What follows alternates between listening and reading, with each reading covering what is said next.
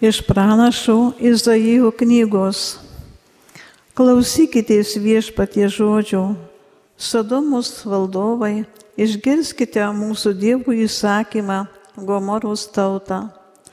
Nusiplaukite, apsivalykite, pašalinkite man iš akių piktus savo darbus. Nustokite darę blogą, išmokite gerą daryti.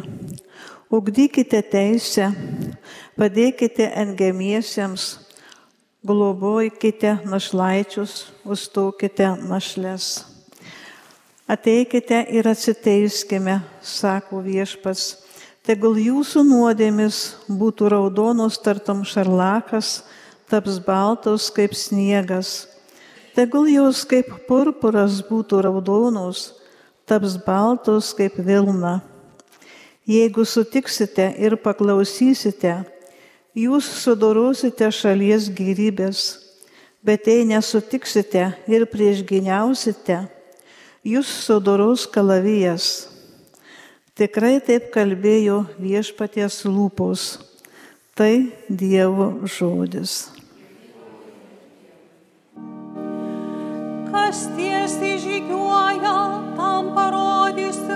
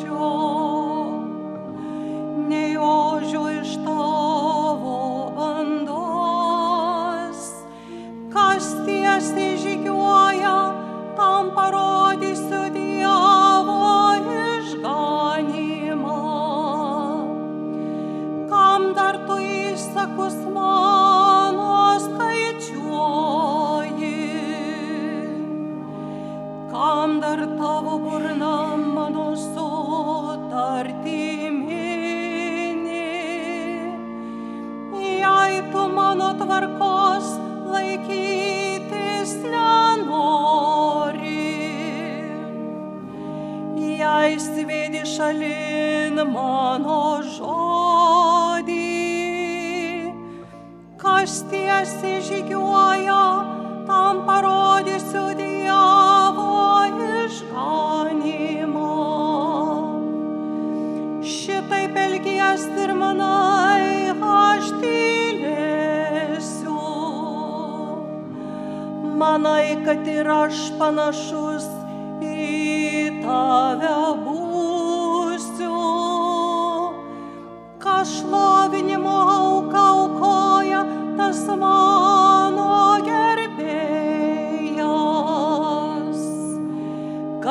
tiesiai žygiuoja, tam parodysiu Dievo išganimą. Kas tiesiai žygiuoja, tam parodysiu Dievo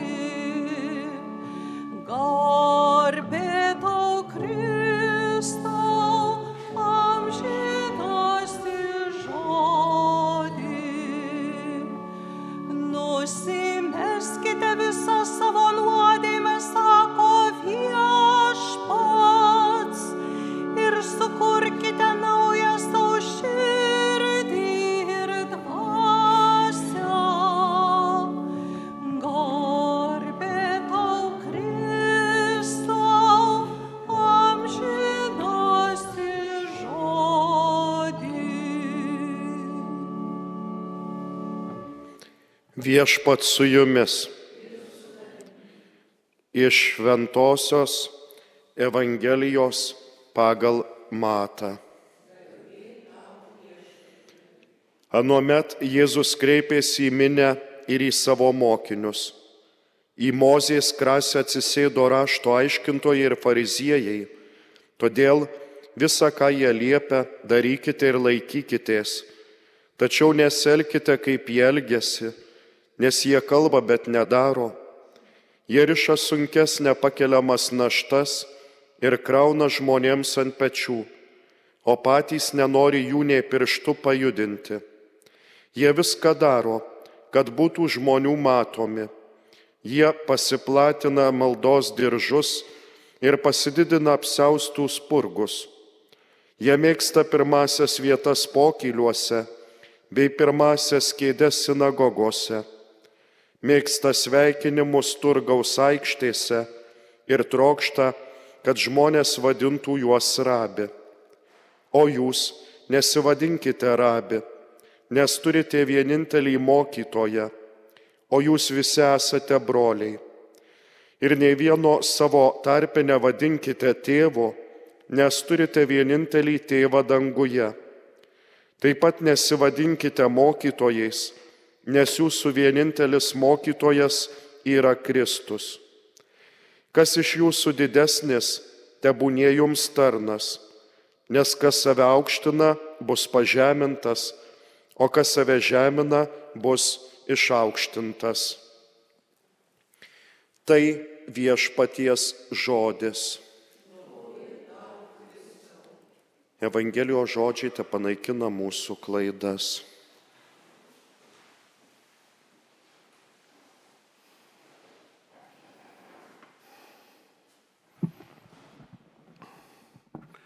Nelengva dalyką šiandien mums viešpas Jėzus paliepė. Įsiklausykime dar kartą į žodžius. Rašto aiškintojai ir fariziejai į Mozės krasę atsisėdo. Todėl visą, ką jie liepia, darykite ir laikykitės. Kuomet girdime kvietimą dorybėn ištartą nuodėmingų lūpų, tuomet apima nerimas. Kuomet matome gyvenimo ir kalbos skirtingumą, apima liūdėsys. Kita kartą žmogus, žiūrėk, net ir tikėjimo suabejoja.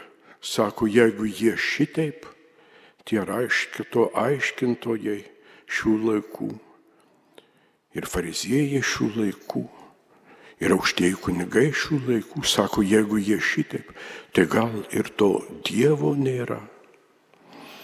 Sunkus dalykas, sunkus dalykas, ypač kaip girdim viešpatie žodžius, o vis tiek darykite, ką jie sako. Nesielkite, kaip jie elgesi, bet darykite, ką jie sako. Kaip čia yra? Bandykim svarstyti taip. Jau ne vieną kartą mintin atėjo teiginys, kad pasaulis ir žmogaus gyvenimas yra dvilypis. Viską galima įvardinti įvairiomis kalbomis. Štai galima filosofinę kalbą sakyti, kad gėrio ir blogio pradai yra nuolatinėme konflikte. Galima antropologinę kalbą sakyti, štai žmoguje fizinis materialusis paradas oponuoja dvasiniam pradui. Galima psichoanalitinę kalbą tarti. Žmogaus gelmės, psichikos gelmės šešėlis brandina savyje blogio potencialą, kartais bei išsiveržinti. Galima ir religinę kalbą šitą įvardinti, pasakant, jog yra dorybė, yra dėja ir nuodėmė. Mums artimiausia yra religinė kalba, todėl Teskim toliau. Taigi, dorybė ir nuotėmė. Kiekvienas mūsų turime savyje tą dvilypumą. Turime gėrio angelą, angelėlį sargą. Ir turime demoną gundytoją. Gerai, jeigu tas gundytojas yra panašus į Kazo Borutos pinčiuką, toks smulkus kenkėjas. Tuomet to pagundymo netiek jau ir daug yra, netoks jisai piktas. Bet būna ir kitaip, būna kad pats blogio demonas, kaip kad dykumoje viešpaties Jėzaus žmogiškąją prigimtį gundi, pačiais svarbiausiais dalykais - nusigręžti nuo Dievo, paneigti Dievą ir nusilenkti blogio angelui. Yra ir tokių gundimų. Tokių blogio angelų kartais pasitaiko istorijoje tokių labai, labai ryškių blogio angelų. Na, kad ir mūsų geras pažįstamas karalius Erodas. Žiaurus buvo, negailestingas buvo. Net ir savo sūnus mirtims smerkė ir savo mylimąją žmoną. Ką jau kalbėti apie jo karo žygius ir politinius nužudimus. O štai žiūrėk, ir jame buvo kažkas pozityvaus, juk pastatė Jeruzalės šventyklą. Taip pat žinome, kad nors jis smerkė mirtin savoją žmoną Mirjam, bet ją labai mylėjo ir iki gyvenimo galo jos ilgėjosi. Ta gražia žmogišką meilę buvo pamilęs. Tai štai ir blogio demonas, bet ir šviesulėlis vienas kitas. Mūsų laikų blogio demonai. Hitleris. Yra įdomu ir keista, pasirodo mylėjęs vaikus. Hitlerinės okupacijos metais Lietuvoje buvo perspausdinta propagandinė žinoma knygelė Hitleris ir vaikai, ten vienos nuotraukos. Kam teko matyti, tai net sunku įsivaizduoti, kaip tai gali būti. Štai Hitleris glosto galvelę vaikui, štai Hitleris šypsosi ir kiek ta nuotrauka leidžia pa, jausti, patirti, šypsosi gražia, šilta šypsena. O tame tarpe šeši milijonai žydų buvo nužudyta. Ir didysis antrasis pasaulinis karas. Ir mirties stovyklos. Štai kitas blogio angelas Josifas Stalinas.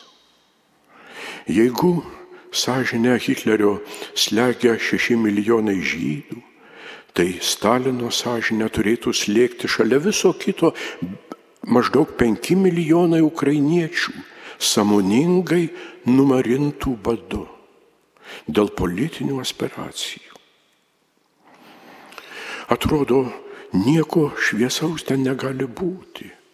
O štai paskaityti tenka jo dukters Svetlanos Alilujevos atsiminimu knygą pavadintą 12 laiškų draugams. Ir ten ji tiesiog cituoja Stalino laiškus dukreliai su dideliu švelnumu, su vaikišku samojumi Ir su didelė meilė tie laiškai parašyti. Ir ji pasakoja, kaip mylėjęs ją tėvas. Ta meilė vaikui. Taip pat labai mylėjęs ir labai gerbęs savo senąją motiną. O štai žudynės, konslageriai, gulagai. Mes ir lietuviai turim tokį pavyzdį Štai Kostas Kubilinskas, tragiško likimo poetas, buvęs rezistencijos kovų dalyvis, tačiau išdavė savo draugus ir netgi nužudyti turėjo. O paskui rašė nepaprasto grožio eilėraščius vaikams, kasgi nežino molio motiejuko arba vėjo būtagėlio. Ir kai pagalvoji, kaip tame žmoguje galėjo koegzistuoti demonas ir angelas, pasirodo galėjo, pasirodo galėjo. Nebereikalo viešpasėsų šiandien mus sako, nors jie nedaro, bet jų klausykite. Ir jie turi tą gėrio kibirkštėlę. Bet kaip tai atsitinka? Šiaip jau žmogus ateinęs į pasaulį, į samoningą į pasaulį, vaikelis, brestantis, atrodo, jie yra visi geri. Na, paišdykauja, tai čia jau vaikiškos išdykystės. Na, atsitinka tam tikras vienas kitas žiaurumo principas, atvejis, tai irgi pateisinama, brendimas savo kartais padaro. Tas neramusis laikotarpis, bet kaip jie patampa tais blogio angelais.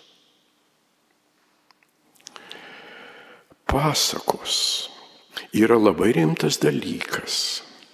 Nes simbolinė kalba, pasakos kartais pasako tuos dalykus, kurias, kuriuos nusakyti kitokiu būdu net ir sunku, labai vaizdingai pasako. Tai štai viena tokia pasaka apie pasakų jaunikaitį, kuris ieškodamas gėrio pergalės turėjo atlikti tris darbus buvo įvestas į kambarį, kuriame buvo daug, daug akmenų, akmeninis stalas, ant jo padėtas lankas ir trys strėlės ir narvelėje papūga. Ir buvo pasakyta, tie trys darbai, trim strėlėm reikia nušauti papūgą. Paėmė jaunikaitis pirmąją strėlę, šovė papūga sujudėjo, nepataikė. Ir staiga pajuto, kad suakmenėjo jo kojos. Paėmė antrą strėlę, šovė, nepataikė. Ir pajuto, jog liemuo iki pat širdies suakmenėjęs. Labai labai stengiasi, trečią kartą pataikė ir nukrito tas akmens kaustulys nuo jo liemens ir kojų ir aplink gulėję akmenys vėl atvirto žmonėmis. Tai tie, kurie tris kartus nepataikė. Ir vėl įsivyravo harmonija. Ir štai jau pradedi galvoti. Hamartyja graikiškas žodis, kuris kaip tik ir įvardyja tą veiksmą, kada šauni ir nepataikai. Bet taip pat įvardyja nuodėmę, nes hamartyja tai ir nuodėmė. Pirmą kartą šoviai, nepataikiai, padarėjai nuodėmę. Suakmenėjo kojos, Jau sunku žvaliai žygiuoti gyvenimo taku. Jau sunku žvaliai žygiuoti stebuklingosios pilies linkui. Antrą kartą šoviai. Tavo jau pusė žmogaus suakmenėjo prie pat širdies.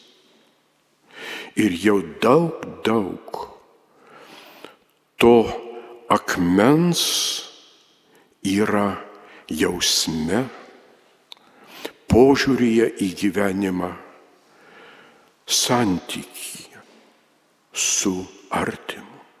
Daug, daug to akmens. Ir štai Dievas duoda trečią kartą pataikyti, nukrenta. Tiek pančiai akmeniniai. Bet jeigu nepataikai, suakmenėjai. Ir tuomet jau žmogus tampa piktojo angelu. Bet kaip tada su viešpaties Jėzaus pasakymu, kad štai jeigu toks koks nors jau suakmenėjęs savojoje nedorybėje, mus mokina dorybės, mes turim klausyti, mes tik kitaip galvojam, taigi Dievas jį nubaus turėtų, o kodėl dar aš turiu jo klausyti, tegul į save pasižiūri pats. Ką čia mane mokys dorybės, pats griešnas būdamas.